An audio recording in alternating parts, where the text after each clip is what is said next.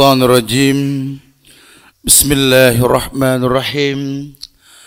السلام عليكم ورحمة الله وبركاته. الحمد لله. الحمد لله الذي أمن بنعمة كثيرة. التي بتلك النعمة نعمل صالحا لبحث رزق منه لتناول الجنة من باب حسن الخاتمة. وإن الحمد لله نحمده ونستعينه ونستغفره ونعوذ بالله من سرور أنفسنا ومن سيئات أعمالنا. من يهده الله فلا مضل له ومن يضلل فلا هادي له. أشهد أن لا إله إلا الله وحده لا شريك له. وأشهد أن محمدا عبده ورسوله. يا أيها الذين آمنوا اتقوا الله حق تقاته ولا تموتن إلا وأنتم مسلمون.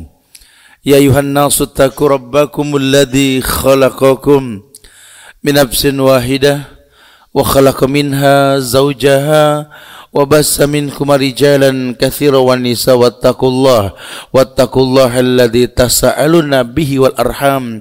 إن الله كان عليكم رقيبا. يا أيها الذين آمنوا اتقوا الله وقولوا قولا سديدا. يصلح لكم أعمالكم ويغفر لكم ذنوبكم. ومن يطع الله ورسوله فقد فاز فوزا عظيما. أما بعد فإن أحسن الكلام كلام الله. وخير الهدى هدى محمد صلى الله عليه وسلم وشر الأمور محدثاتها وكل محدثات بدعة وكل بدعة ضلالة وكل ضلالة في النار Ma'asyiral muslimin wal muslimat sidang majelis tablik akbar Masjid Al Muhajirin Puri Indah yang Allah muliakan dunia dan akhirat. Alhamdulillah kita bersyukur pada Allah di sore hari yang cerah ini. Kita diizinkan oleh Allah untuk bisa berkumpul di masjid yang mulia ini dalam rangka mendapatkan ilmu tentunya. Kita meluruskan niat bahwa kita berharap Allah berikan banyak kemudahan dalam hidup kita ini bukan untuk sesuatu yang main-main. Kita pengen di waktu yang seperti ini makin jelas makin jelas mau ke mana arah tujuan kita. Kalau tadi di Surabaya kita sempat bahas sedikit hal-hal yang berkaitan tentang tune up ilmu dan setting iman. Di dalamnya ada penyebab kenapa mesti ilmu ini di tune up, iman di setting. Karena ternyata sudah sekian banyak perbuatan kita ini yang sudah melenceng ya, lupa bahwa hidup ini bukan untuk tamatu di atas dunia. Kalau sampai Nabi saja melaknat dunia, kenapa kita ke hubud dunia? Sampai terjebak dalam penyakit yang sudah dikabarkan 14 abad yang lalu bahwa ada yang namanya wahan. Wahan, hubud dunia wa karahiyatul maut. Maka ulama menyimpulkan banyak orang yang takut dengan kematian karena nggak ada modal untuk berjumpa dengan Allah. Kenapa mereka berani hidup tak takut mati? Karena mereka persiapkan dirinya untuk dunia. Maka orang nggak takut ngadepin dunia, tapi nggak ada persiapan untuk akhirat sehingga dia orang yang takut untuk meninggal. Ustaz, kalau bicara meninggal, Ustaz, kayaknya kita ngomongin yang lain, Ustaz. Begitu. Ini kematian ini paling susah kalau dijelasin, Ustaz. Makanya kalau Umar Ibn Khattab mengatakan kafabil mautin nasihat betul banget. Cukup maut sebagai nasihat. Aksiru dzikra hadhimil ladzah.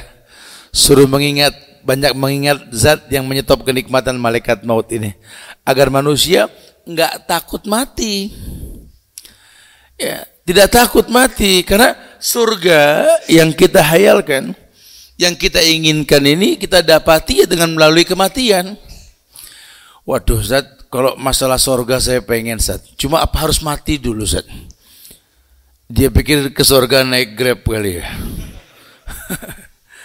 ya, ya nggak bisa harus. Oleh karena itu perlu dijelaskan supaya semakin terang nih. Ya, semakin terang. Karena kalau tidak kita sendiri nggak paham kenapa hidup ini kok makin hari makin terpuruk. Nah, ada beberapa hal yang perlu diketahui dalam hal ini. Uh, ulama menyimpulkan beberapa hal supaya kita tahu bahwa yang kita rasa ini bukan untuk disesatkan oleh Allah. Karena memang Allah yang mengatakan la yukallifullahu nafsan illa. Allah tidak mungkin uji manusia di luar batas kemampuannya. Jadi nggak ada kezoliman dalam takdir. Tolong jangan sampai suuzon sama Allah. Karena prasangka burukmu sama Allah itu akan mendatangkan keburukan. Allah sudah katakan wadzalikum zannukum alladzi zanantum bi rabbikum ardakum fa asbahtum minal khasirin. Itu prasangka buruk yang kau sangkakan ke Allah. Islam itu agama yang enggak kenal zon, enggak kenal prasangka buruk. Lianna inna ba'da zonni isman. Karena setelah prasangka itu pasti dosa. Ya akhirnya kalau sudah rutin berbuat dosa, ya dunia remeng.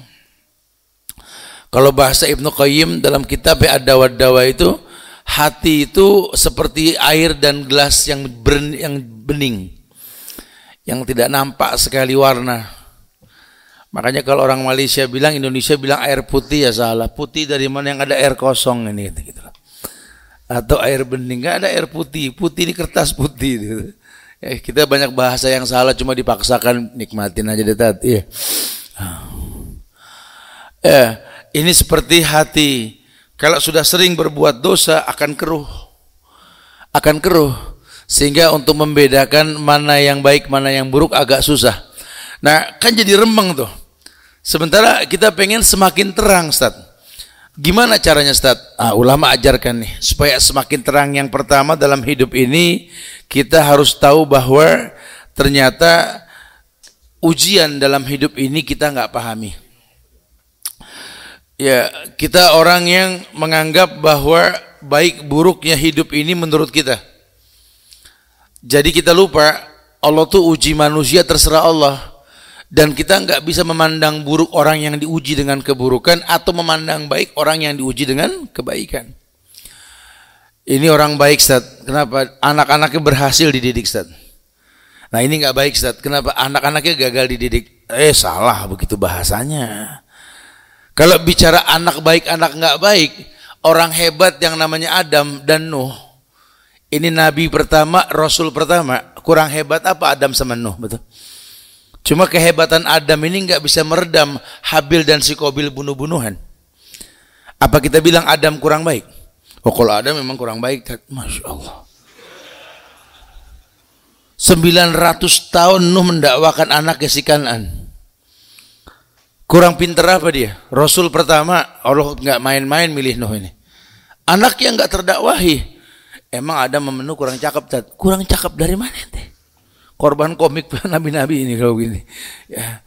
Seakan-akan nabi ini punya kekurangan, masya Allah. Dia dia manusia punya kekurangan. Coba kan Allah maksud kan Allah muliakan.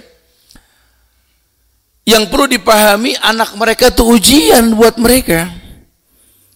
Sehingga berubah tidak Adam, berubah tidak Nuh dengan ujian anak. Itu yang mesti dipahami. Karena anak ujian gagalnya Nuh mendidik istrinya, gagalnya Ayub mendidik istrinya, gagalnya Lut mendidik istrinya, apakah dia suami yang buruk? Lah. Ini ujian.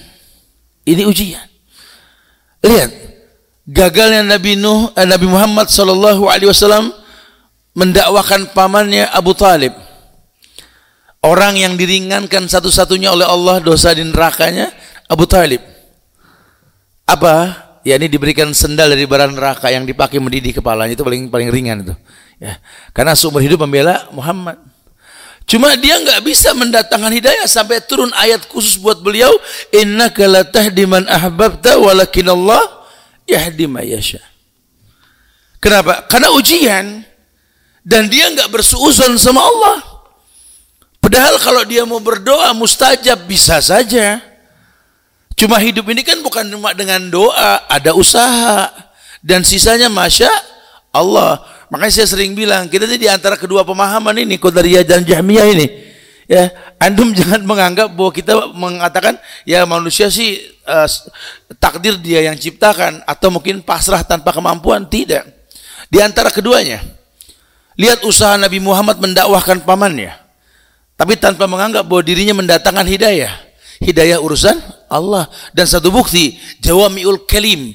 Mujizat beliau yang menyampaikan kata pendek dengan syarat makna itu nggak bisa menggetarkan hati pamannya. Sampai dia meminta sama Allah, Ya Allah, kalau seandainya Abu Jahal, Walid bin Mughirah tidak bisa mengesahkanmu, lahirkan dari tulang sumsumnya orang yang mengesahkanmu.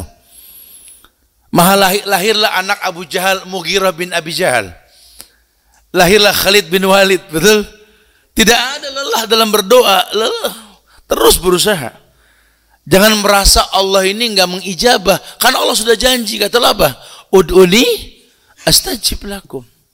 Udah minta aja kan ku jawab. Entah jawab langsung, entah yang akan datang. Minta aja Rabbi habli minas solihin. Walaupun anakmu tidak soleh.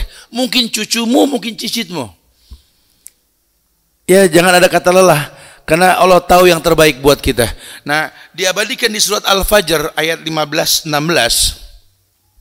Karakter manusia itu. Fa'ammal insanu idza mabtalahu rabbuh fa akramahu wa na'amahu fayaqulu rabbi akraman. Wa amma idza mabtalahu fa qaddara 'alaihi rizqahu fayaqulu rabbi ahanan. Itu karakter orang tuh. Jadi dia menganggap baik buruk dirinya menurut pendapat dia. Kata Allah, manusia itu begitu tuh. Kalau diberikan kenikmatan dia berkata Rabbi akroman. Allah mencintai dia, memuliakan dia kalau lagi enak. Tapi kalau merasakan kesulitan, doa tak diijabah, keinginan tak dituruti, dia berkata, Rabbi ahanan. Allah nggak suka sama saya. Dia menganggap Allah baik buruk menurut pendapatnya. Masya Allah. Sering ibu-ibu mengeluh, sering bapak-bapak mengeluh. Enggak boleh ketemu Ustaz, Ustaz mau curhat Ustaz. Iya, silakan Bu, Pak.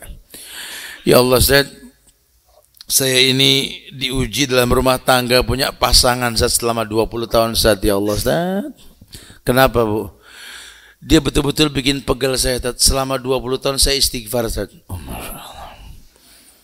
Kata si Ustaz, bagus Bu. Loh kok bagus Ustaz? Ya jarang-jarang 20 tahun istighfar Masya Allah. Ya, ya saya nggak kuat Ustaz. Kuat ibu kuat insya Allah. 20 tahun ibu ngadepin yang begini istighbar ibu kuat. Nggak kuat Ustaz. Kuat bu. Ustaz nggak tahu sih rasanya. Alhamdulillah saya bilang gitu. Udah kuat insya Allah. Udah ya Allah Ustaz nggak kuat Ustaz. Aku nggak kuat Ustaz. Aduh Masya Allah. Insya Allah ibu kuat.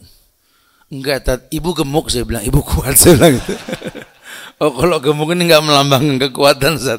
Emang kalau pegel ngemil katanya. Alhamdulillah Bu, Allah kasih ibu ujian yang berat. Ibu istighfar, bagus. Karena banyak orang yang nggak kuat jadi berbuat mungkar. Ibu tidak, Alhamdulillah. Alhamdulillah. Bahkan kisah nyata itu ada orang yang sudah saya nasihatin sudah bertahan lah. Insya Allah yang terbaik dia sholat dia juga ibadah dia nggak berbuat syirik. Mungkin dia nggak baik dalam kata-kata dan tingkah laku sama kamu. Sabarin. Nggak ada Ustaz. Nggak tahu gimana dia berpisah. Sekian tahun sudah ketemu lagi Ustaz. Ingat gak sama saya Ustaz? Ya Allah saya udah lupa siapa ya. Cerita aja lah saya bilang saya paling nggak suka ingat-ingat muka orang saya bilang. Itu adalah yang dulu punya masa. Oh ya saya ingat. Oke. Gimana gimana akhirnya? Wis aku tak cerai Ustaz cerai aku Ustaz. Oh Masya Allah. Terus akhirnya gimana? Oh sekarang aku sudah nikah lagi Ustaz. Oh Masya Allah. Oh yang ini sih Ustaz. Hmm. Aku tidak pernah lagi istighfar Ustaz. Oh Masya Allah. Waduh. Saya bilang Nabi saja seratus kali, tujuh puluh seratus kali istighfar itu tidak pernah istighfar lagi. Sudah tidak benar ini sama. itu tuh orang suka begitu pak. Jadi dia lupa ujian ini kan kita nggak bisa memilih. Andai aku bisa memilih, aku akan pilih ujian-ujian yang menurutku ringan. Cuma Allah tidak akan pernah, iya kan? Karena itu masih hanya Allah. Allah tahu yang terbaik buat kita. Karena memang Allah sudah mengatakan la yukallifullahu nafsan illa. Coba deh, coba deh. Kalau kamu nggak diuji, kamu tuh nggak terang keberadaan kamu untuknya. Orang tua diuji tentang anak. Kalau anak belum ngegoda, belum bikin pegel mata sama hati, doa kita tuh nggak sembari nangis. Anak masih lucu-lucunya, wis nggak ada masalah, menyenangkan hati kurota ayun. Doa kita buat dia, Rabbi habli minas salihin ya Allah sambil mesem doa kita Rabbi habli minas salihin. Mulai gedean dikit nih anak, mulai balik, mulai suaranya pecah, kumis mulai baba dipanggil nggak nengok ngeliatin handphone aja. Temennya manggil lari langsung orang tua manggil nggak nengok. Pegel temennya anak status. Baru mulai kelihatan khusyuk dalam doa. Rabbi habli minas salihin ya Allah. Minas salihin ya Allah. Aduh minas salihin agak khusyuk ya emang begitu Allah uji orang untuk mendatangkan kehusuan maka dikatakan antaksha akulubuhum li dzikrillah. Dengan ujian kamu jadi husu mengingat Allah. Iya. Ibu pegel sama bapak, bapak lebih pegel sama ibu, Bu. Ya. Ini main pegel-pegelan. Dua-duanya berdoa, Rabbana hablana min azwazina wa zurriyatina Qurratain. Itu doa sebelum terjadi ujian di antara kalian nggak terlalu berbobot. Tajwidnya juga kurang rapi, betul. Mulai ibu pegel sama bapak, bapak lebih pegel sama ibu. Itu doa menjadi apa? Kadang-kadang menjadi tulisan DP-nya WhatsApp gitu loh. Yang tadinya Rabbana hablana min azwajina wa zurriyatina. Sekarang pakai Rabbana hablana min azwazina ya Allah. Ada emot nangis lagi. Ah. Ini orang pegel nih teman. ya, lihat cara Allah mendatangkan kehusuan. Makanya kita suruh sadar ini ujian. Ya. Ujian itu seperti badai yang pasti berlalu. Karena nggak mungkin musim itu sepanjang masa musim itu ada perguliran. Wa tilkal ayyamu nudawiluha bainan ada perputaran. Ya enggak mungkin lah musim mangga terus rambutan kesal betul? Ya enggak mungkin rambutan terus pasti ada musim nangka durian dan lainnya. Ada masanya. Dan ketika datang musim itu enggak bisa dipaksa. Saya lagi pengen makan rambutan saat mangga mau nunggu entar dulu mangga entar dulu enggak bisa. Pasti datang gitu mangga. Sudah kita yang mesti paham karena semua nikmat yang Allah turunkan. Makanya beragam doa yang kita panjatkan. Pentingnya kita kenal Allah supaya tahu ujian itu mendatangkan kebaikan. Ya. Yeah. Makanya kata Rasul apa? Innallaha idza ahabba kauman ibtalahum. Innallaha idza ahabba kauman ibtalahum. Allah kalau cinta sama satu kaum atau manusia dicintai sama Allah, ibtalahum Allah uji. Dengan ujian akan kelihatan mana manusia yang baik, mana yang buruk. Fala ya'lamanallahu alladhina sadaqu wa la ya'lamanal kadzibin. Ayat 3 itu. Fala ya'lamanallahu alladhina sadaqu wa la. Allah pengen tahu siapa di antara kalian yang jujur, siapa yang tidak. Ah, jangan berubah fungsi. Ya, tetaplah jadi rembulan walaupun tertutup mendung. Tetaplah jadi mentari walaupun tergeser oleh malam, tetap. Tetaplah jadi mutiara walaupun berlumpur. Mutiara tidak berubah. Ya. Ini kita jadi bangsa yang diuji, betul? Tetap jadi bangsa yang Allah turunkan rahmat berbentuk kemerdekaan fitnah politik seperti apa pun udah nggak ada masalah tetap jadi bangsa yang kompak yang ramah yang santun jangan berpecah belah kita negeri yang pernah merasakan up and down kok ya. 350 tahun kita dijajah oleh Belanda. Belanda kabur datang Jepang. Tiga tahun setengah serasa tiga abad setengah gitu. Datang lagi agresi Belanda, satu, dua, nikah, PKI, pemberontakan dia, order lama, order baru, reformasi, repot nasi, semuanya, Masya Allah. Sampai sekarang ini kita negeri yang up and down. Ya, tapi nggak usah takut, tetap jadi mutiara. Jangan berubah. Jangan mudah terfitnah, karena negeri ini merdeka atas berkat rahmat Allah. Penyebab rahmat jangan dihilangkan. Ya, makanya orang Islamnya harus greget sedikit. Jangan suka maksa Allah untuk paham. Tadi saya sampaikan di Surabaya, kita ini kan minta tolong sama Allah bukan sama manusia. Kalau Allah itu baik cuma nerima yang baik. Innallaha thayyib la yaqbalu illa thayyiban. Masalah kita di perekonomian pengen selesai masalah utang piutang. Tolong jangan ngajak perang Allah. Ini pengen selesai ujian, selesai apa? Utang piutang malah pakai cara riba. Eh perang lawan Allah. Pengen punya anak yang hebat, baik, berdoa tiap malam nangis tapi di kantongnya ATM konvensional. Gimana coba? Ngelobi Allah pengen sorga ngantongin riba, mungkin tidak? Ya nggak mungkin. Allah tayyib la yaqbalu illa tayyiban. Allah baik cuma nerima yang baik. Ini komplek Puri Indah berani nggak mulai besok Senin itu ambil semua bank di konvensional ganti ke syariah? Harus berani. Karena masa kita singkat sekali. Kebayang nggak mayit meninggal masih megang riba? Apa panjang urusan nanti? Panjang urusannya. Gimana negeri ini mau mulia kalau kita masih nggak berani meninggalkan maksiat? Ya, akhirnya berat dalam hidup. Ujian datang tumpang tindih, padahal Allah berikan yang terbaik dalam ujian. Karena Allah yang mengatakan, "Ahsiban nasu ayutraku ayyakulu amanna wa hum la yuftanun." Apakah manusia mengira kalau mereka sudah beriman mereka enggak diuji? Walaqad fatanna alladziina min qablihim. Allah uji orang sebelum mereka, lihat fala ya'lamanna Allahu alladziina shadaqu wa la ya'lamanna al-kadzibin. Ujian akan mempertontonkan siapa yang jujur dalam iman kepada Allah, siapa yang tidak jujur dalam imannya. Supaya makin terang nih. Ya, itu yang pertama. Yang kedua, yang kedua, manusia harus paham bahwa Allah ini maha tahu yang terbaik untuk hambanya. Supaya semakin terang tujuan hidup kita ini kita mesti sadar bahwa Allah itu maha tahu yang terbaik untuk hambanya. Ingat surat Al-Isra ayat 30 ketika Allah berfirman, Inna rabbaka yabsutur rizqa liman yasha wa yaqdiru innahu kana bi ibadi khabiran basira. Ya, Allah yang firmankan ayat ini Allah mengatakan inna rabbaka sesungguhnya Rabb kamu kamu ia besutur rizqa liman yasha. Melapangkan rezeki kepada siapa yang dia kehendaki. Wa yaqdir. Dan Allah memberikan kemampuan kepada seseorang.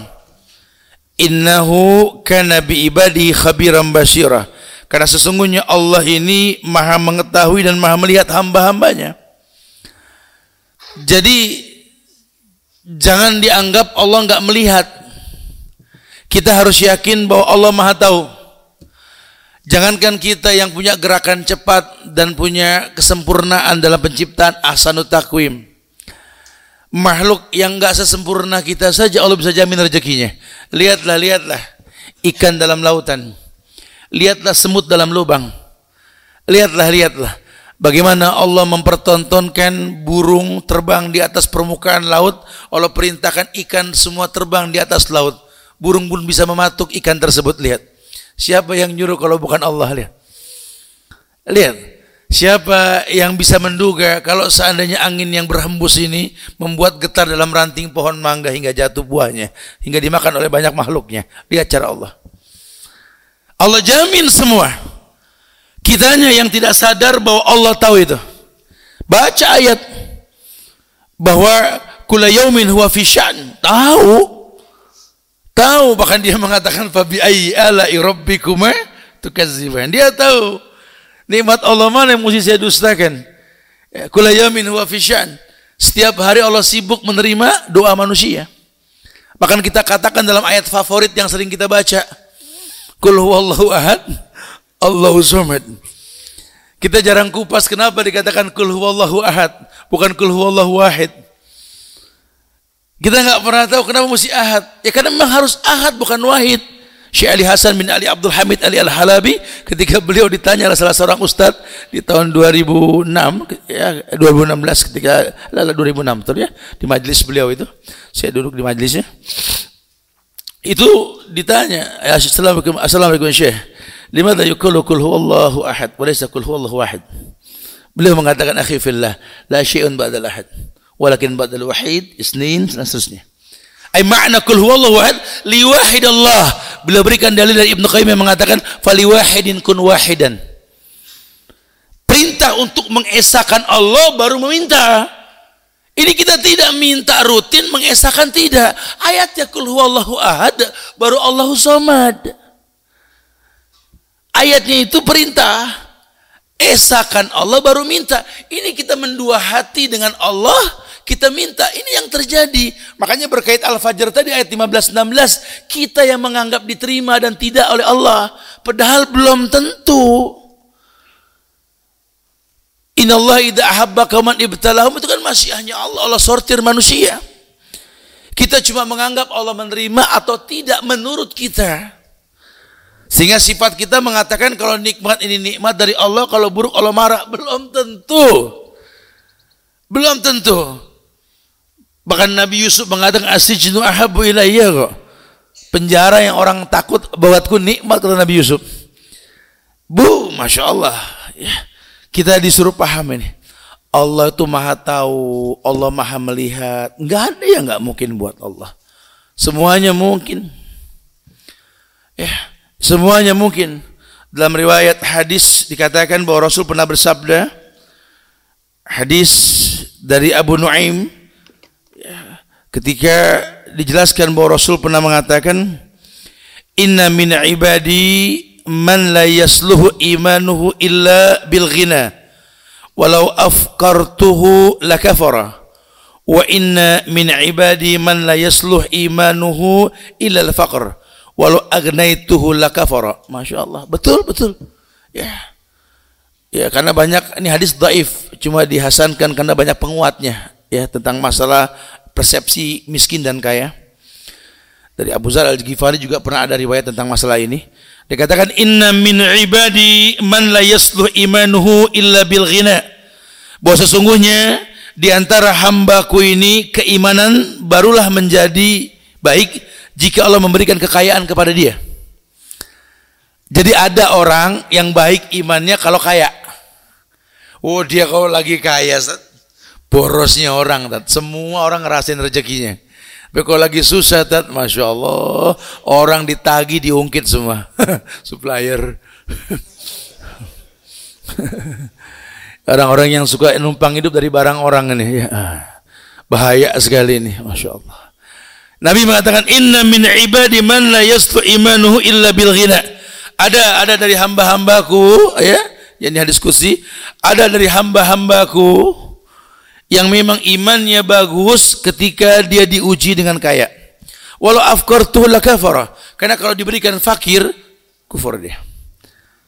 Kalau diberikan kafir, dia kufur.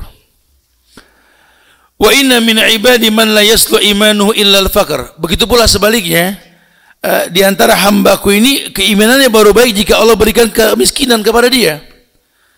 Walau agnaituhu lakafara. Kalau Allah kasih kaya dia lupa, dia lupa diri. Mendingan dia waktu lagi miskin tat, temannya marbot, betul ya. Masjid mana yang dia nggak datengin waktu zaman susah begini tat. Istighfarnya beda, astagfirullah tapi masya Allah. Beda bobotnya gitu loh, nggak remeng. Tapi kalau sudah kaya, masya Allah tat. Ya, zaman susah tat, itu Quran sampai lecek dibuka mulut tiap hari dibaca. Udah sukses, udah kaya, lupa naruh tuh Quran di mana tuh. Ada, ada yang begitu, ada. Makanya ada masyiahnya Allah. Kita nggak bisa ngukur orang dari itu, tidak bisa. Tidak bisa kita ukurnya orang baik nggak menurut kita nggak. Baik tidaknya seseorang itu setelah dia diuji. Ya, saya suka bilang apa kemarin sama Ustadz Abdul Tuesika, saya katakan sama beliau, begini Ustadz permasalahannya orang tuh kalau diamsalkan uh, apa sesuatu uh, tiga hal karakter manusia itu. Yang pertama manusia yang dianggap seperti sayur mayur. Tahu sayur mayur? Kita kalau ke Tawang Mangu itu ngelihat sayur mayur yang dijual dari wortel, strawberry, tomat. Uh, segernya Masya Allah. Betul?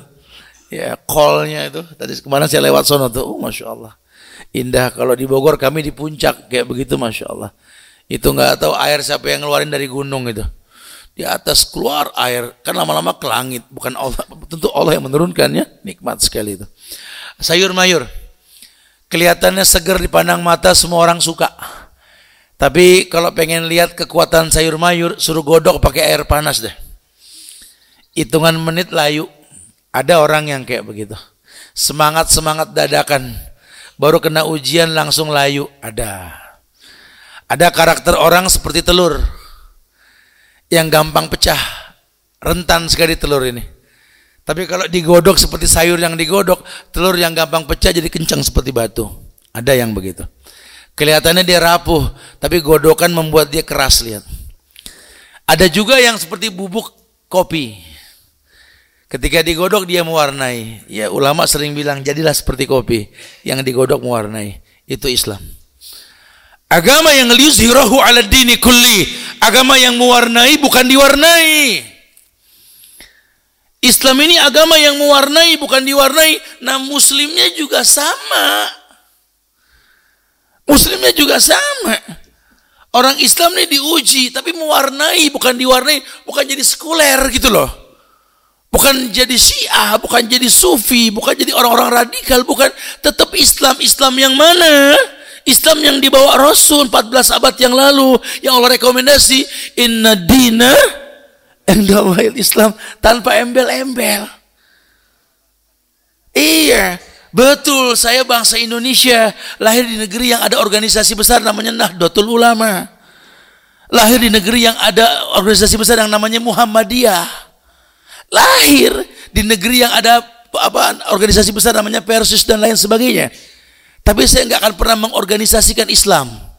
Karena Islam bukan itu. Rekomendasi Quran inna dina indallahil Bicara Anda mau berorganisasi urusan Anda, tapi jangan organisasikan Islam. Ini Nahdlatul Ulama hebat untuk Indonesia mengusir Belanda kok. Salut dengan Haddatu Syekh Hasim Asyari. Semoga Allah muliakan beliau. Lapangkan kuburnya, dihapuskan sekian dosanya diterima di surga insyaallah. Salut sama beliau. Melahirkan Kiai Haji Nur Ali, jenderal Islam yang mengusir Belanda dari Kerawang Bekasi. Salut dengan Kiai Haji Ahmad Dahlan. Salut semoga Allah muliakan beliau di lubang kuburnya. Dihapuskan dosa-dosanya. Dijamin surga oleh Allah insya Allah. Melahirkan jenderal dari Rembang Sudirman itu penghafal Quran. Masya Allah. Salut sama mereka salut. Ahasan dengan persisnya salut. Tapi itu kan di Indonesia. Islam ini rahmatan lil alamin. Rahmat untuk alam.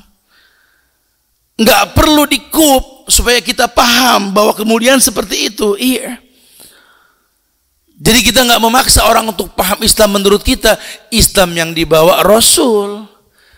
Yang 14 abad yang lalu agama sampai Dajjal turun juga agama. Jangan dirubah, jangan direvisi. Jangan. Manusia mulia dengan Quran. Tolong nih mulut-mulut politikus, mulut-mulut orang-orang yang tidak bertanggung jawab, orang-orang radikal, sekuler mengatakan kalau sesungguhnya dia tidak setuju kalau ada mahasiswa apal Quran diberikan beasiswa. Masya Allah. Justru orang yang bisa hafal Quran mulia. Kenapa Quran mesti dihafal? Karena memang nabinya buta huruf, butuh penghafalan bukan penulisan. Ini orang bahaya sekali mulutnya. Di Indonesia bebas orang ngomong apa aja ini. Ya, sehingga orang Islam dibikin pelangak pelongo, dibikin bingung. Ya, ajakan maksiat pakai baliho ajakan dosa pakai videotron, riba, rokok lihat. Ajakan kemuliaan tidak akan pernah berani pakai baliho coba. Mana ada pengajian pakai baliho? Pakai videotron, saksikanlah kajian di Puri Indah, di Masjid Al Muhajirin. Tup tup. Nah, kalau kejadian begitu salut. Ya.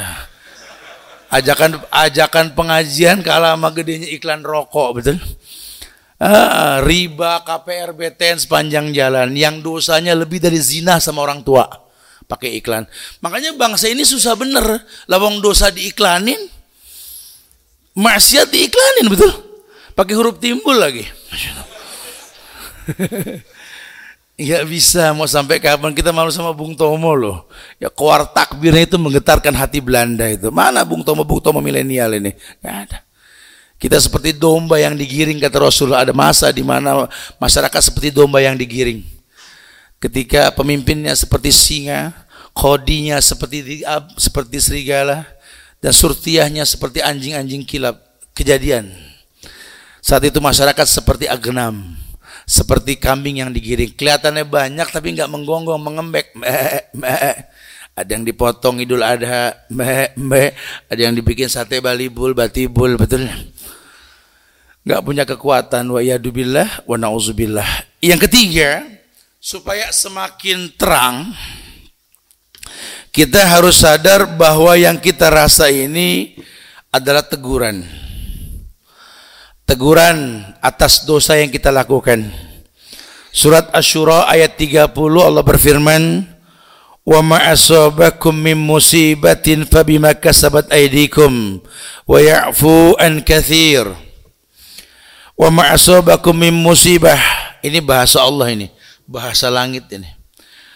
Wa ma asabakum min musibah. Musibahnya enggak pakai alif lam umum. Apa pun yang namanya musibah yang kamu rasa, nggak terikat dengan satu jenis musibah. Fabima kasabat aidikum karena memang uh, ulah tanganmu sendiri. Jadi bukan Allah terinspirasi untuk menurunkan musibah karena ulah tanganmu bukan ada hukum sebab akibat.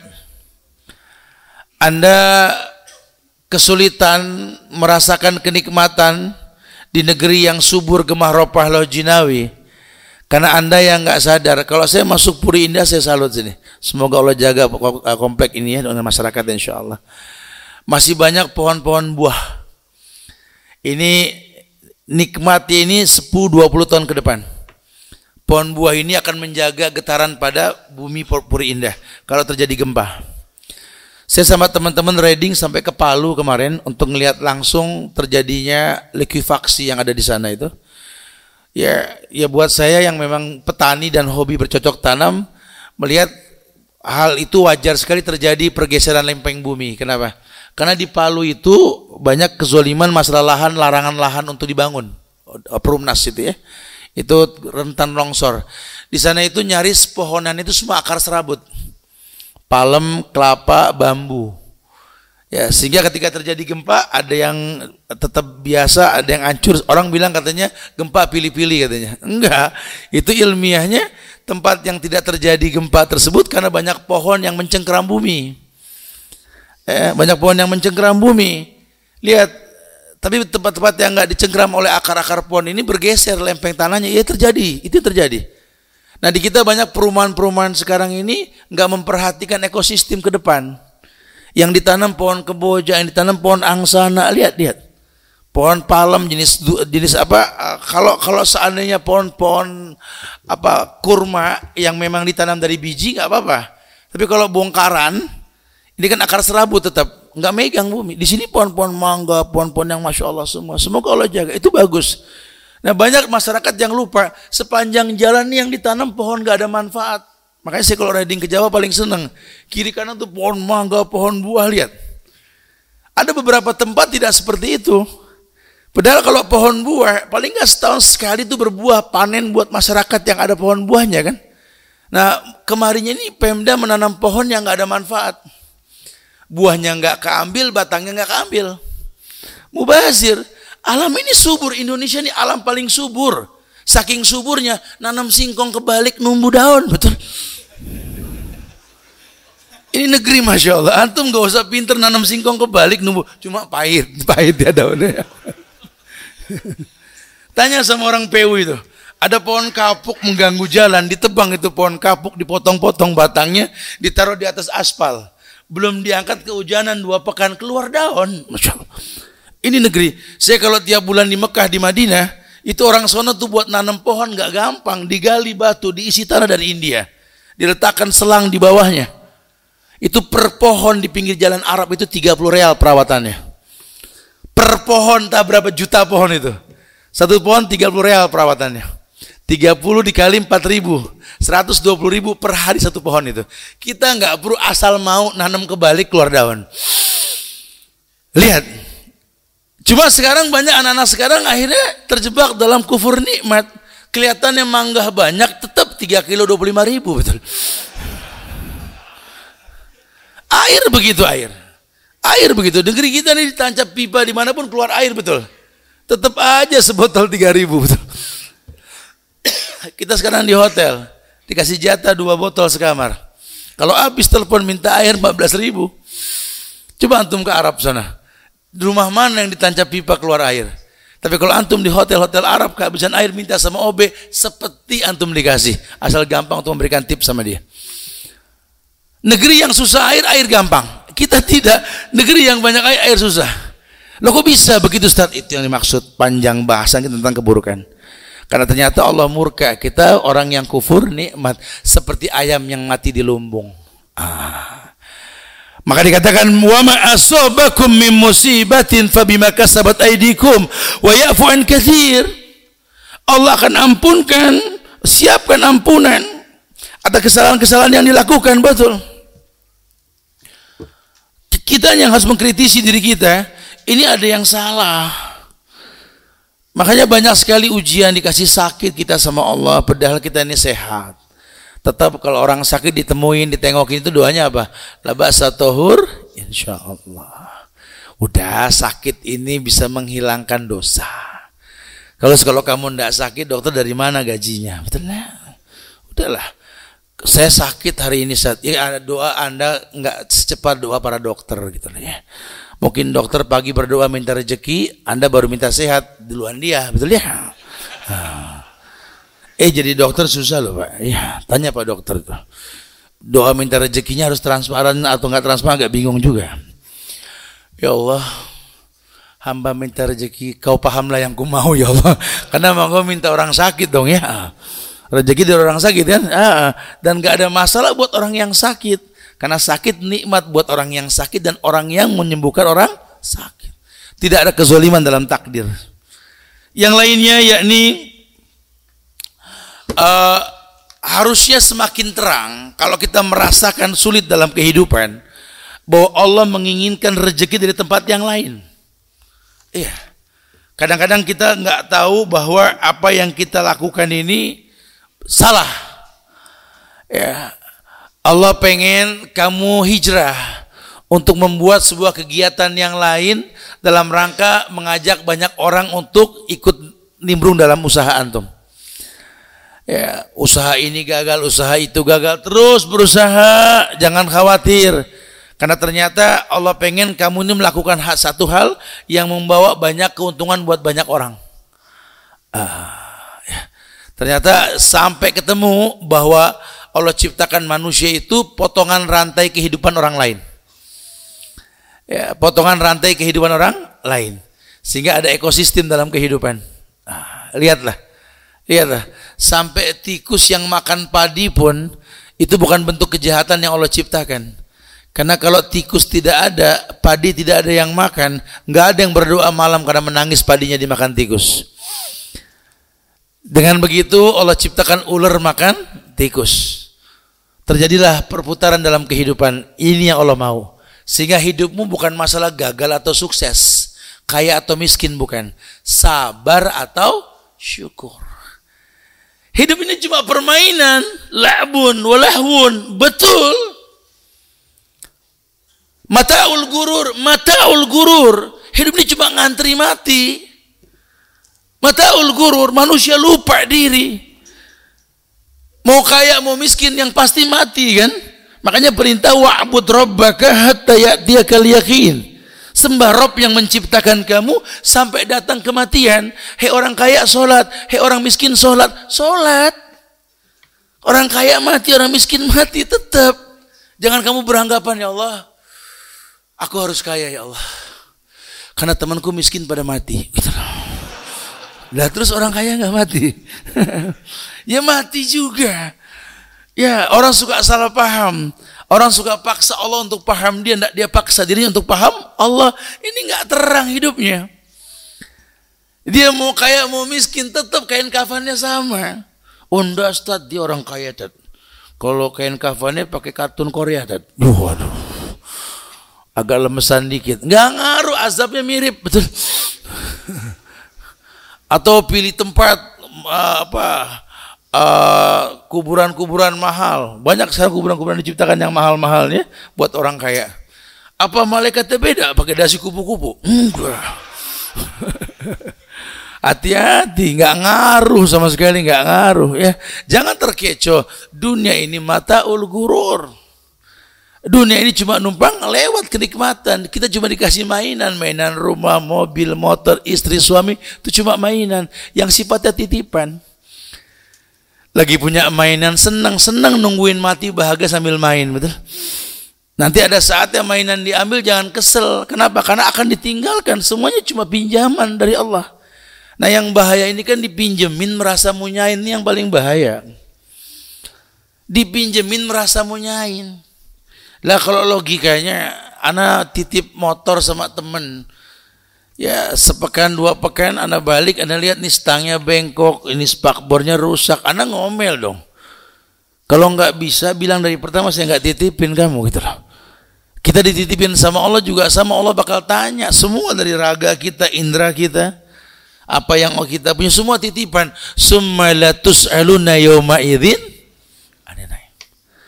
Summa la tus'aluna yawma idzin anin Allah akan tanya tentang sebuah nikmat yang Allah berikan. Udah dibilang wa bi ni'mati rabbika fahaddis sejak awal nikmat yang kau rasa kau sebut. Wa ni'mati rabbika fahaddis nikmat Allah sebut supaya kamu ada ihtiram sama Tuhan yang menciptakan kamu Wa in ta'udu Allah la tuhsuha. Makin kau hitung nikmat Allah makin enggak terhitung. Makin kau kerdil di hadapan Allah sehingga takbir yang kau lantunkan Allahu Akbar kau merasa Allah Akbar kamu sagir dihantam dengan ayat pujian yang dikedepankan Bismillahirrahmanirrahim Alhamdulillahi Rabbil Alamin Segala puji dikedepankan belum tahu kenapa dipuji Allah. Rabbul alamin, Rabb yang menciptakan alam. Kita cuma bagian dari alam. Coba muhasabah. Kenapa mesti memuji Allah? Karena banyak yang kita tidak minta Allah kasih. Coba sih dihisap. Dihisap, dinikmati ini. Jangan sampai kita nggak tahu. Hidup ini komplain aja sama Allah. Ada yang begini, berkeluh kesah saja. Dikasih siang, dikasih siang ngeluh. Ya Allah, panasnya Mas Surabaya ya Allah. Sorean dikit, adem sih cuma macet. Nggak lama malam sepi orang pada tidur namanya daerah ya. Sepi ya, ya Allah. Bangun pagi, aduh panas lagi. Ini orang kapan-kapan syukurnya? Kapan syukurnya? Dia nggak paham.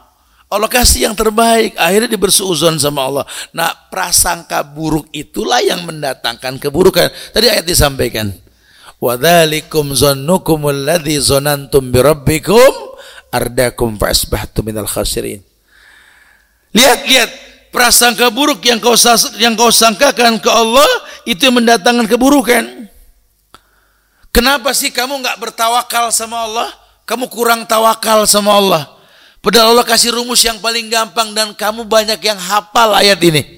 At-Talaq ayat 2 hingga 3 ketika Allah mengatakan wa may yattaqillah yaj'al lahu makhrajan wa yarzuqhu min haitsu la yahtasib. Ini ayat banyak orang hafal. Wa may yattaqillah barang siapa yattaqillah selalu dan sedang bertakwa kepada Allah yaj'al lahu makhrajan. Allah enggak bohong, selalu dan sedang Allah berikan solusi. Justru suruh gampang ibadah, jangan susah ibadah. Perusahaan lagi kolab, ya direkturnya harusnya kumpul briefing jamaahnya dikumpulkan apa? Anggotanya. Tekankan kepada anggotanya, tolong tingkatkan takwa anda kepada Allah. Perusahaan kita sedang goyang ini. Ya, kita butuh solusi. Jarang bos yang begini. Marah mengurangi jumlah orang, era orang kecewa dan lain dan lainnya.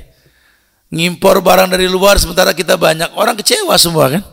Bukan dikumpulkan masyarakat suruh tingkatkan takwa kepada Allah. Kenapa bos kok mesti meningkatkan? Allah yang mengatakan wa may makhrajan. Mungkin di antara kita banyak yang zalim. Akadnya masuk jam 8 pulang jam 4, prakteknya masuk jam 10 pulang jam 2. Banyak kezaliman. Ya, saya sebagai pimpinan meminta kepada jamaah sekalian tingkatkan takwa kepada takutlah kepada Allah. Karena keburukan yang kita rasa karena ulah tangan kita sendiri. Oh, Masya Allah. Pengen ada solusi, tingkatkan takwa. Ya wa min haitsu la.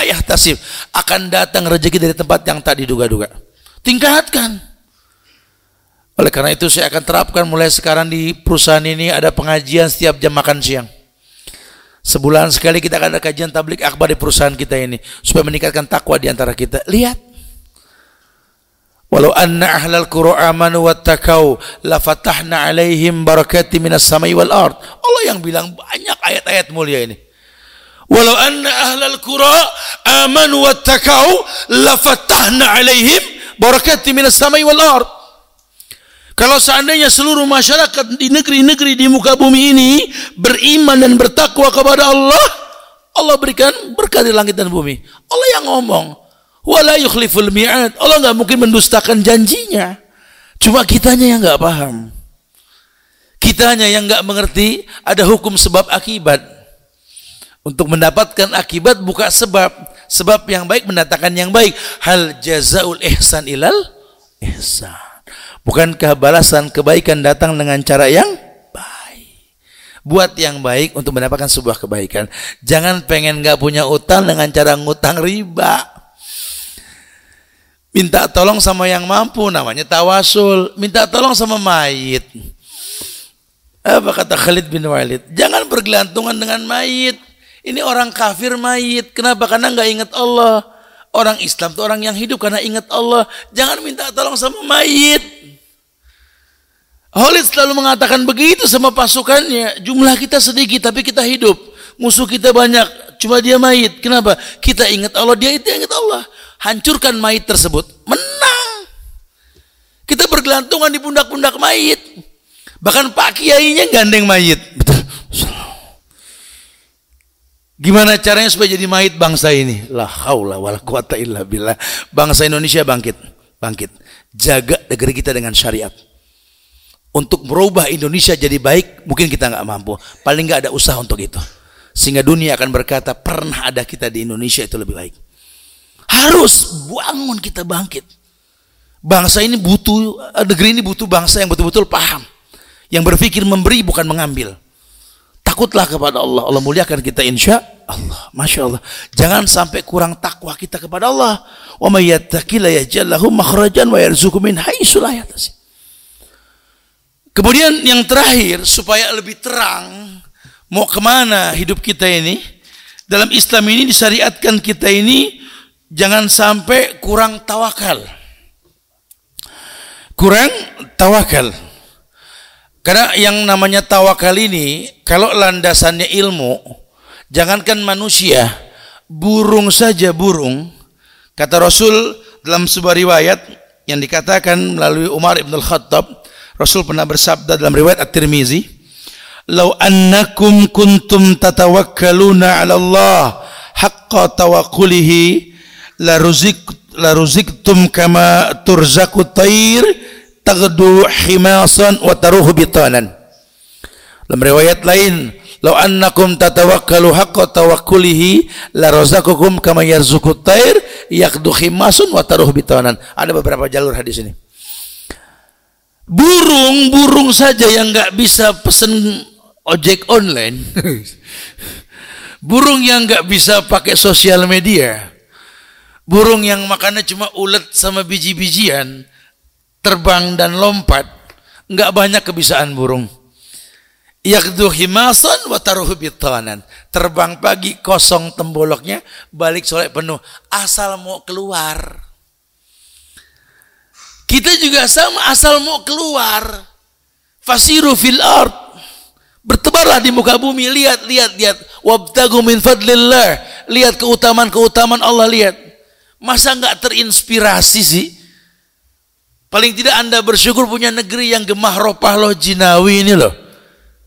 Negeri yang baldatun toiba cuma belum robun gofur gitu loh. Masa nggak terinspirasi? Kita reading sama teman-teman bikers ini se-Indonesia kita keliling ini, Masya Allah. Nggak perlu keluar negeri kita. Semuanya ada di negeri kita. Indahnya Lombok Sembalun itu Masya Allah.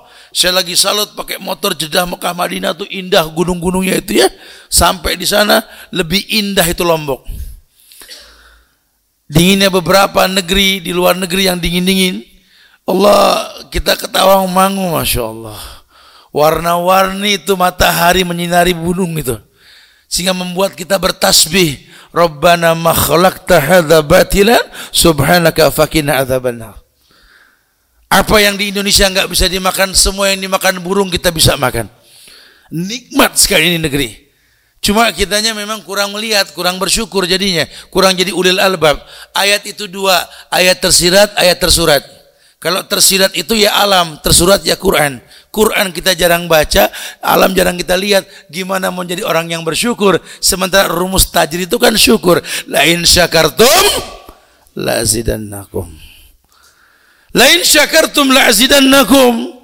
Kalau kau bersyukur ku tambah. Kita nggak pernah bersyukur gimana mau ditambah. Yang ada keluh kesah. Menjadi bangsa yang berpikir diberi bukan memberi. Rumus Islam al-yadul ulia khairun min yadis sufla.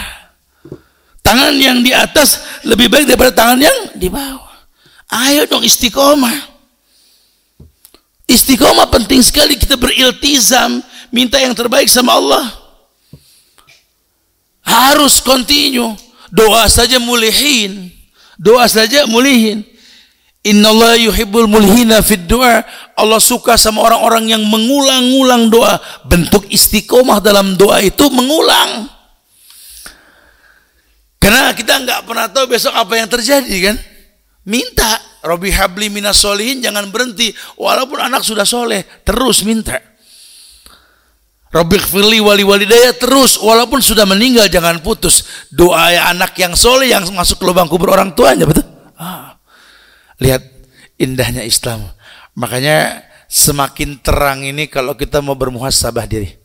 Nah mudah-mudahan yang disampaikan ini menginspirasi kita untuk paham bahwa ke depan lebih terang kalau kita bareng menghitung nikmat yang Allah berikan sama kita. Ya semoga manfaat kita berdialog. Silakan yang mau ditanyakan fadlu nah biar luas bahasannya. Iya, silakan.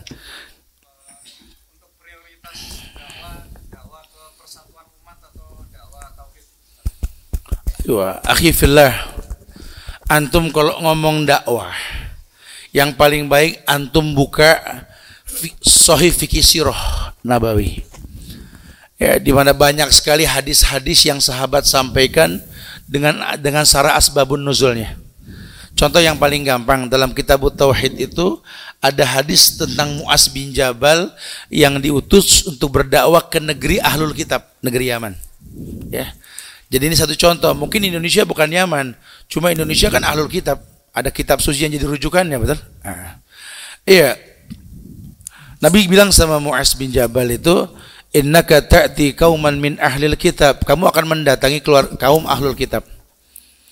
Faliyakun awwala matad'uhu syahadatu alla ilaha illallah. Tolong yang pertama disampaikan itu adalah syahadat. Jadi jangan ngomong masalah isbal, jenggot, kerudung apa. Udah, udah, udah, udah. Ya, ukuran tepat itu datang dengan ilmu nanti. Karena ukuran jenggot, ukuran isbal, ukuran kerudung itu udah dibukukan. Yang jadi masalah orang itu percaya gak dengan buku panduan hidup Quran dan Sunnah. Karena kalau tidak nanti kalau eh, sahadatnya belum benar, kita belum paham konsekuensi Muhammad Rasulullah taat dengan perintah Nabi, Nabi mengatakan setiap kain yang di bawah mata kaki neraka lebih berhak. Di debat sama dia, yang penting nggak sombong tat. Tuh. Maaf. Ini Nabi yang bersabda, cuma yang ngedenger tersinggung karena celananya isbal semua. Anak kan yang penting nggak sombong, yang bilang ente sombong siapa, Bray? Masya Allah. Keluar deh anak motor deh ya. ya, hati-hati cuma disampaikan antum mau nurut silakan enggak gak usah ngegas, santai aja gitu. Ini yang ngomong Nabi, hei laki-laki setiap kain di bawah mata kaki neraka lebih berhak. Kalimatnya di bawah mata kaki, paling enggak semata kaki. Semata kaki atau lebih di atas mata kaki. Gara-gara segelintir orang yang kaku berdakwah punya ciri khas celananya di atas mata kaki, dia pukul rata semuanya salah. Yang betul dia. Lihat. Karena syahadatnya belum betul. Sementara ketika kita mengatakan wa anna Muhammad Rasulullah empat konsekuensinya taat dengan perintah Nabi, menjauhkan larangan beliau, percaya dengan yang dikabarkan walaupun sifatnya gaib dan yang keempat tidak beribadah kecuali ada contoh Rasul. Ini kalau belum disampaikan kita mau ngomong syariat ribut. Masya Allah. Idul Adha dijelaskan tentang bagaimana Idul Adha. Bahkan dimakruhkan sebagian mengharamkan adanya hewan kurban di sekitar tempat ibadah masjid. Ini kalau nggak dipahami bisa ngegas. Loh kenapa di masjid nggak boleh emang? Masjid buat sholat, bukan buat buat miara kambing dan sapi gitu lah. Dari mana zaman Rasul yang namanya Masjidil Haram tuh kumpul binatang buat dipotong? Dari mana? Enggak ada. Ada di tempat, tempat kurban berbeda jauh dari Masjidil Haram. Karena khawatir mengganggu orang yang di kita kayak begini jadi rame nanti urusannya. Bicara apa namanya jenis hewan kita nggak paham Islam ajarkan banyaklah hal ini. Bagaimana menyikapi ujian, Nabi juga diuji, sahabat juga diuji.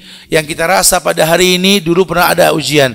Makanya di Quran dibilang wa kullan naqussu 'alaika min amba'i rasul manusabbita bihi fuadak. Di Quran ada cerita para nabi dan rasul tujuan apa? Supaya kamu tenang bahwa ujian yang kau rasa pada hari ini orang dulu juga diuji, lihat solusinya. Al-muhafazatu ala salafis salih wal jadidil aslah. Jadi orang yang menyimpulkan masa lalu seseorang untuk kebaikannya akan datang. Harusnya kan begitu mikirnya. Maka yang pertama suruh syahadat dulu. Jangan ngomong yang lain, satukan persepsi syahadat. Kalau mereka sudah patuh dengan syahadat a'limhum, ajarkan ilmunya. Bian Allah alim khamsus salawat.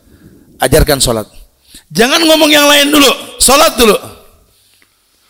Karena salat inilah yang bisa membuat protektor dalam dirinya, tanha anil faksa wal munkar. Gimana caranya masyarakat salat? Gampangkan masjid, baguskan ibadah. Fa'inhum atau kalidhalik. Kalau mereka sudah patuh tentang salat a'lim, berikan ilmu. Bian Allah taradu alim sadaqah. Ajarkan tentang perekonomian. Tukhadu min agniyaihim wa turadu ala fuqaraihim. Ambil dari orang kaya zakat, bantu orang miskin. Ratakan perekonomian dengan sistem Islam, bukan pajak.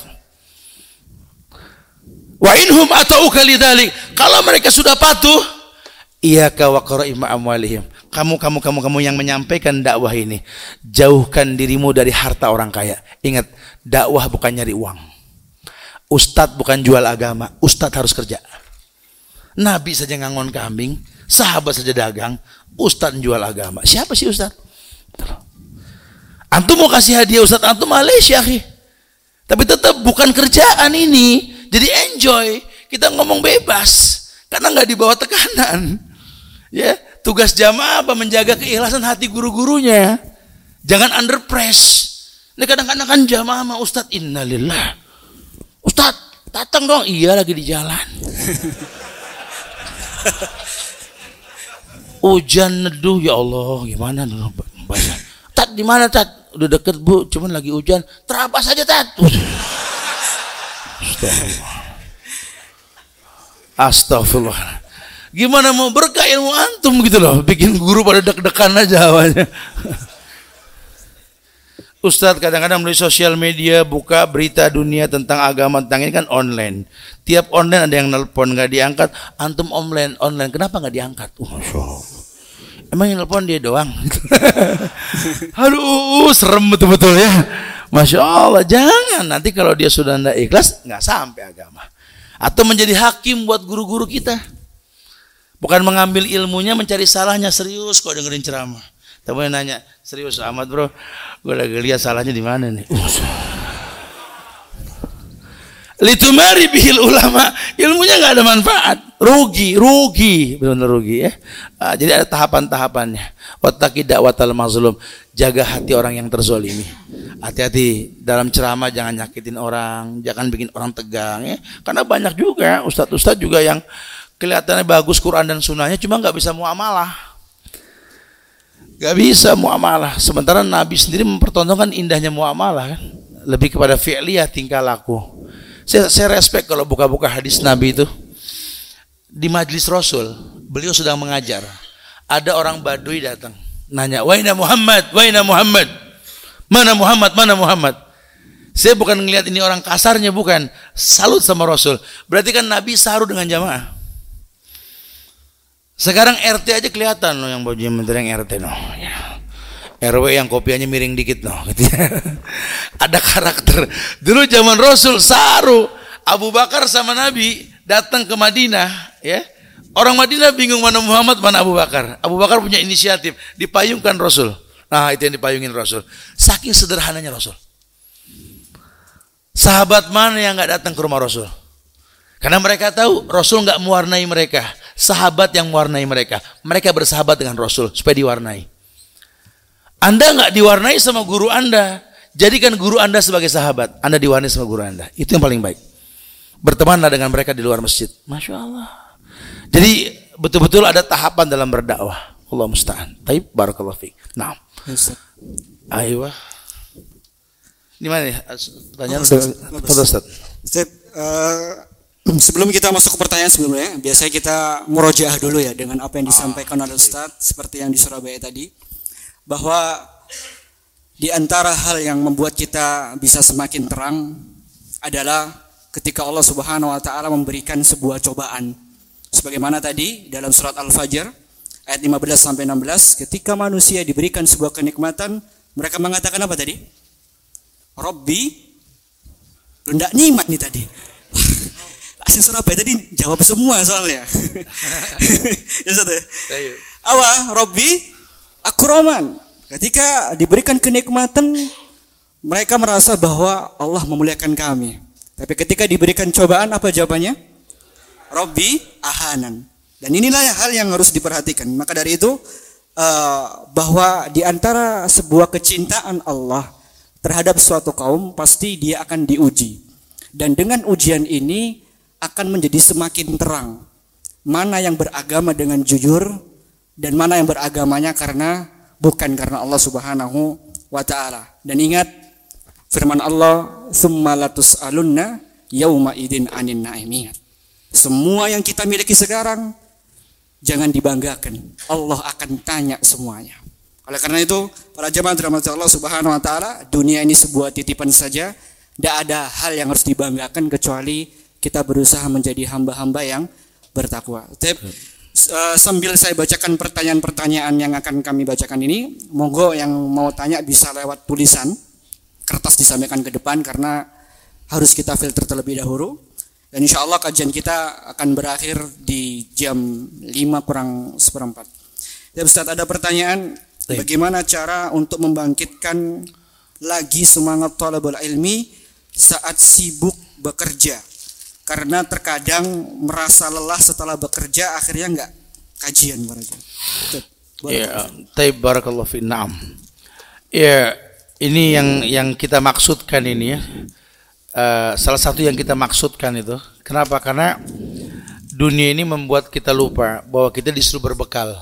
Watazawadu fa inna zadi taqwa. Berbekallah kalian karena sebaik-baik bekal adalah takwa kepada Allah. Nah, dunia yang melelahkan ini membuat kita nggak mempersiapkan itu. Lelah bekerja sehingga kita lupa baca Quran. Lelah bekerja sampai kita lupa punya waktu kosong yang Allah katakan faida farokta fansong. Ya, padahal jujur kita tinggal di zaman milenial yang nuntut ilmu tuh gampang banget. Saya uh, naik motor sampai ke atas Uhud gitu ya. Di atas Uhud itu ternyata ada dinding-dinding gunung yang diketrik dan ditulis dengan pedang-pedang sahabat. Dulu mereka kalau wahyu turun, mereka tulis dengan pedang mereka di dinding gunung ketika mereka ribat menjaga di perbatasan. Bahkan kalau di museum yang sekarang jadi museum itu ada stasiun kereta itu, di dalam museum tersebut banyak Quran yang dibikin dari keterikan batu. Orang pengen punya Quran tuh susah dulu. Sekarang kita gampang. Ngedownload pun bisa. Nah makanya sesibuk-sibuk antum jangan sampai handphone antum ini banyak aplikasi yang mubazir. Ya ini mubazir banyak banget ini. Mubazir temannya siapa? Setan. Akhirnya nih handphone menginspirasi maksiat bukan manfaat. Ya. Mudah-mudahan antum jadi orang yang mau mengisi yang baik insya Allah ya. Ini ada gantungan kunci anak kasih ke antum nih. Gantungan kunci Ustaz Subhan untuk buka Ala ZV channel. Banyak kajian-kajian manfaat. Jadi setelah-setelah antum kerja, waktu istirahat buka di channel tersebut atau live seperti ini. Ini live 18 negara lebih menyaksikan kegiatan kita ini ya. Masya Allah. Taib semoga manfaat insya Allah. Nanti bisa diambil nah, gantungan kuncinya itu. Taib Ustaz. Ustaz. Taib. Kemudian selanjutnya ada pertanyaan apa yang harus kita lakukan ketika mendengarkan khutbah Jumat berpaham liberal atau berisi khutbah yang menyimpang seperti syariat harus menyesuaikan zaman atau harus sesuai adat kalau enggak ya harus diganti syariatnya. Tep barakallahu fiik. barakallah. Naam. Ya, siapa sih yang bakal tahu ada keburukan yang akan terjadi betul? Ya. Wallahu alam bisawab. Bahkan Utsman bin Affan ketika dikurung di balik uh, terali uh, apa penjara, dia sempat menjadi makmum uh, Al-Hajjat As-Saqafi, betul. Sehingga orang yang fasik tapi bagus bacaannya menyampaikan sesuatu yang buruk pun Utsman menjadi makmumnya. Ini pelajaran buat kita, betul. Sehingga antum bisa menuntaskan saja sudah. Uh, takut terbrainwash Makanya dengan ngaji antum tahu deh. Kata Allah, eh, kata Nabi kan bahwa uh, uh, dikata, ketika dikatakan bahwa la yazalu abdi yataqarrabu ilayya bin nawafil hatta uhibbahu. La kuntu ahbabtu kuntu sam'ahu alladhi yasma'u bi wa basarahu alladhi yubshiru bi seterusnya. Uh, makanya biasakan menghiasi yang wajib dengan yang sunnah. Akhwati fillah. Ya, antum kalau sholat jangan yang lima waktu aja kau beli dia dong, ya. Jangan cuma Ramadan, Senin, Kemis dong, ayamul bid dan lainnya. Sunnah kerjakan haji dengan umrah.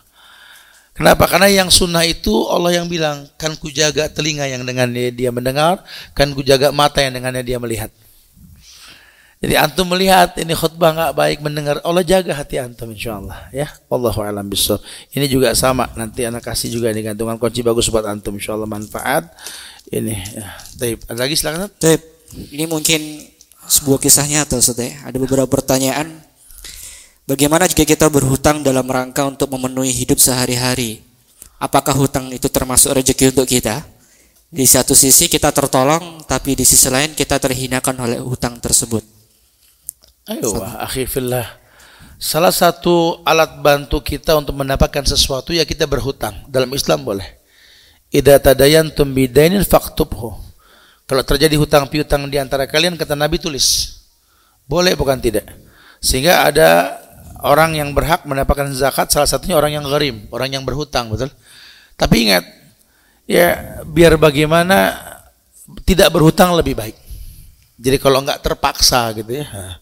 Saya suka punya kebiasaan kalau ngisi ceramah yang padat biar lima menit saya merem saya bangun fresh. Teman-teman suka tanya nggak pusing? Enggak lah. Yang penting pas melek kita nggak punya utang, gitu lah. Dan ternyata nggak punya utang itu menyehatkan bro, asik. Jadi nggak usah tajir, biasa aja yang penting nggak punya utang asik hidup kita. Dan nggak kita berusaha untuk mencari teman bukan mencari musuh, sehingga di mana pun kita bisa jadi baik, insya Allah ya, masya Allah. Atau anak kasih rumus lah yang nanya nih, rumus tajir itu sedekah, ya Silakan Fadal Taib. Sip. Kemudian ini juga sebuah curhatan anak muda Ustaz. Mohon nasihatnya Ustaz untuk ikhwan yang ingin menikah, uh, uh. tapi belum ada tabungan modal nikah atau belum pula pekerjaan pasti. Ini diapakan orang-orang seperti ini Ustaz? Masya. Ini gerombolan Jones ini. Jones itu artinya jomblo ngenes itu. Kalau perempuannya Jonesa pakai tamar butuh itu ya. Masya Allah. Ini anak kasih gantungan kunci judulnya cari pasangan yang jelas kalau pengen punya anak yang jelas. Ya. Nabi hanya mengatakan ya ma'syar sabab man istata'a minkumul ba'a falyatazawwaj. Hei para pemuda dan yang merasa muda. Jadi bapak yang merasa muda masih boleh pak ya. Cuma saya bapak nggak bakal berani lah udahlah. Kita ngomong yang lain aja pak ya. Hai orang yang mampu menikah, menikahlah. Kalimat mampu ini bukan cuma sekedar membuahi pasangan. Ya, lebih dari itu. Karena tadi saya sudah sampaikan sepintas di Surabaya tadi bahwa lelaki itu dipilih karena khiyarukum khiyarukum linisaikum. Karena baik dengan perempuan-perempuannya. Ibunya, saudara perempuannya dia baik. Lelaki yang baik itu yang dekat sama ibu dan saudara perempuannya. Ukurannya itu. Kalau perempuan itu wadudul walud. Al-wadud al-walud. Perempuan yang penuh cinta, penuh rahmat dan banyak anak. Sehingga fa ini mukassirum bikumul umam yaumal qiyamah. Karena aku akan bangga dengan banyaknya umat. Nah, orang yang mampu menikah, kalau dia perempuan, dia mampu memilih laki-laki yang baik, yang tetap menjadi baik dengan dia. Karena lelaki yang baik sama ibu dan saudara perempuannya akan baik sama mertuanya dan lainnya. Sama dia juga sama. Begitu pula laki-laki memilih perempuan, bisa gak dia menjadikan perempuannya itu al-wadud. Penuh rahmat, penuh kasih. Berat loh. ketika terjadi ijab kabul saya terima nikahnya Fulanah binti Fulan dengan mas kawin seperti yang disebutkan dibayar tunai sah. Saat itu dari pundak mertua laki diambil tanggung jawab oleh suaminya ini ke pundak dia. Ketahuilah wahai para istri sekarang dia suamimu dan dia pun seperti orang tua untukmu. Kalau dulu waktu kamu belum nikah ayat kena kamu. Fala takullahumma jangan bilang ah cih ngambil napas sama orang tua. Dosa nggak boleh. Sekarang kamu sudah nikah maka kamu nggak boleh membentak suamimu. Nggak boleh ah cih sama suamimu. Waduh. Kalau dulu sebelum menikah kamu berbuat durhaka sama orang tua kamu yang nanggung. Anak durhaka. Tapi sekarang sudah menikah durhakanya istri suami yang nanggung. Maaf Nah kalau kira-kira kamu nikah, kamu nggak bisa bikin istrimu tidak bentak kamu nikah. Tapi kalau kamu nikah, istrimu bentak kamu, cerai dia. Kamu yang tanggung dosa. Dalam sebuah riwayat, terhalang rezeki seorang laki-laki karena nggak berani menceraikan istri yang berbuat durhaka. Masya Allah. Jadi panjang nih, kayak kita kudu daurah pranikah nih kalau begini gitu. eh iya. Nggak main-main. Waduh, antum dulu dia durhaka, dia tanggung dosa sama orang tua. Sekarang durhaka sama suami. Makanya ketika ijab kabul, aras tuh bergetar. Malaikat menangis ngelihat laki-laki ini berani tanggung jawab sama dosa istrinya. Kenapa? Karena setiap istri berbuat dosa, suami yang nanggung. Istri berbuat apa saja tenang, suami yang nanggung. AC ini gitu loh. Nah sekarang kalau suami nanggung dosa terus pada bisa buka sorga. Panjang bahasannya, hati-hati. Oh, nggak main-main masalah rumah tangga ini. Ya, makanya harus tegas. Antum harus betul-betul bisa menjadi imam dalam rumah tangga.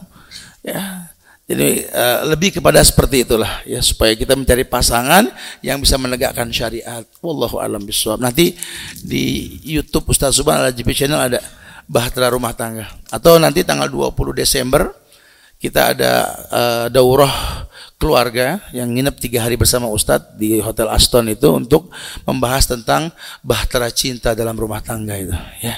Jadi perlu dibahas tentang bagaimana menjadi suami menjadi istri menjadi pasangan dan lain dan lain-lain. Semoga manfaat insya Allah. Fadal jadi intinya belajar dulu ya bagaimana kita menjadi orang yang baik untuk pasangan kita. Itu yang harus digarisbawahi. Karena tidak semua orang yang paham ilmu agama itu bisa khiyar satu ya. Karena nah. yang diminta Rasul bukan hafid Quran, bukan hafal hadis, tapi yang baik sikapnya terhadap pasangannya. Tadi di masa muda ini ada pertanyaan untuk masa tua Ustadz. Ah, di sini ada pertanyaan bahwa sehubungan saya sekarang sudah tua, apa yang harus saya lakukan untuk me memaksimalkan ibadah dalam menghadapi kematian sebagai bekal untuk mati? Ya, Ustadz minta bantu doa juga lagi bikin gedung yang sudah masuk lantai tiga ini gedung yang kita bangun itu buat asrama putri dan pesantren orang-orang tua. Di, Surabaya boleh tuh nanti kalau ada pesantren buat orang tua. Kenapa? Karena orang tua sudah punya waktu kosong buat belajar. Landasannya sih Pak Ida Farokta fansop aja. Punya waktu kosong isi gitu loh. Karena banyak orang nuntut ilmu zolim sama waktu yang lain itu haram. Gak boleh. Perlu ada waktu khusus buat belajar. Nah saran saya sih memang uh, memanfaatkan waktu di mana Allah telah berikan kekosongan nikmatani magbunun fihi makasir minan nas. Ada dua nikmat yang orang butuh sudah punya disia-siakan. Asiha wal farq. Waktu sehat dan waktu kosong. Mungkin orang tua identik tidak sehat, tapi punya waktu kosong. Tolong manfaat waktu kosong tersebut buat ibadah kepada Allah. Dan ini butuh pembinaan, butuh pembinaan. Sehingga bukan bicara orang-orang manula. Kalau saya sih namain pesantrennya golden age ya pesantren Golden Age pada masa keemasan saya bilang gitu loh. Syarat muridnya itu 50 ke atas. E, di mana dia sudah punya waktu khusus dan luang dan ternyata Islam ini nggak bicara usia. Makin ikhlas kita menuntut ilmu, makin gampang mendapatkan kebaikan. Ya, memang betul rumusnya belajar di waktu kecil seperti mengukir di atas batu belajar sudah dewasa kayak nulis di atas air betul betul ya. Cuma kan uniknya Islam ini kan kayak ayat kayak Quran saja. Nggak ada perintah hafal perintahnya baca. Nggak ada ihfaz adanya ikro makin sering baca makin hafal. Dan dan dan bahasa yang betul-betul eh, apa the good language gitu ya real language itu Arab ucapan dengan huruf sama. Mudah kalau kita mau sering baca hafal tuh mudah sekali. Sementara jujur kita lagu barat saja, syair-syair Inggris yang jelas-jelas munafik. Tulisan sama ucapan beda, THE dibaca de, betul ya? Karena sering ngedenger gitu ya, bisa hafal. Lah bagi Quran, kita kalau sering baca, sering berjamaah dengan imam, itu terbiasa dengar apal nanti. Baru kita merasakan indahnya tahajud, indahnya terawih nanti. Afdalu sholatul lail tulal qiyam. Sholat terawih, sholat malam yang paling afdol, yang paling lama berdiri. Kita di belakang makmu, di belakang imam, imam baca panjang tuh enak. Kayak dengerin sohibul hikayat gitu. Karena kita hafal. Ya walaupun kita nggak hafal, kita pernah dengar lah. Atau kita paham yang dibaca, paling tidak begitu. Ini kan yang bahaya kalau kita ngaji males, Sholat di belakang imam yang satu jus. Waduh. Yang ada gibah imam betul. imam baca panjangan dikit hatinya ngomong ya Allah berhenti di mana nih ayat gitu ya? Karena nggak apa ya itu aja dulu kali Ustaz. Semoga manfaat insya Allah wallahu alam bisawab tadi ada sebuah kalimat yang sangat bagus sekali bahwa ketika kita mengajarkan sebuah keikhlasan dalam menuntut ilmu agama maka akan berbuah sebuah kebaikan. Maka dari itu, seperti yang kami sampaikan tadi pagi di Perak, bahwa ikhlas adalah poin paling utama di dalam menuntut ilmu agama. Dan semoga apa yang kita usahakan di sini, teman-teman yang berdesakan di belakang, atau mungkin yang sampai berdiri, semuanya kita benar-benar bisa berusaha memaksimalkan mungkin agar kita ikhlas karena Allah Subhanahu wa taala dan sebelum kita tutup kami mengimbau kepada seluruh teman-teman sekalian, khususnya para jamaah Masjid Al-Muhajirin agar terus mendoakan dan senantiasa mengucapkan doa kepada saudara-saudara kita yang ada di Maluku, ya, yang Ambon, yang gempa, kemudian juga di Wamena. Saya ulang lagi ceritanya nggak Ustaz ya. Jadi beliau ini ada mahat Ustaz ya di sana ya. Iya. Ada mahat di sana dapat cerita bahwa orang salat subuh Ustaz ya Salat subuh, Allahu Akbar dipenggal ke mana dari belakang. Ini yang ada di Wamena. Atau mungkin Ustadz bisa memberikan motivasi agar kita bisa bersyukur dengan keadaan kita yang ada di Sidoarjo. Baik, barakallah. Ya. Ya, sebagai bangsa, sebagai sesama muslim, kami merespon sekali yang terjadi di keluarga kami, di sahabat-sahabat kami di Maluku yang terjadi gempa di sana, Ambon. Kemudian sahabat-sahabat kami, saudara-saudara kami di Wamina, semoga Allah berikan kesabaran sama antum semua insyaallah. Yakinlah bahwa yukalifullahu nafsan illa wus'aha. Kami di sini tidak bisa membantu secara fisik karena berita ke kami ini simpang siur. Tapi kami tahu bahwa kalian menderita dengan ujian yang mungkin kalian nggak sanggup. Kita memohon kepada Allah seperti Nabi memohon kepada keluarga Alu Yasir. Fa innalakumul jannah, sorga jaminan buat kalian. Kalau kalian memang terzolimi insya Allah. Buat anak bangsa secara umum Indonesia, yuk jaga ukhuwah di antara kita.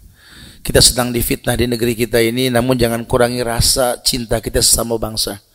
Ya, banyak berdoa, doakan diri kita, doakan keluarga kita, doakan masyarakat kita, doakan Indonesia secara umum. Minta kepada Allah agar hidayah diberikan pada petinggi-petinggi yang tak punya malu di atas sana.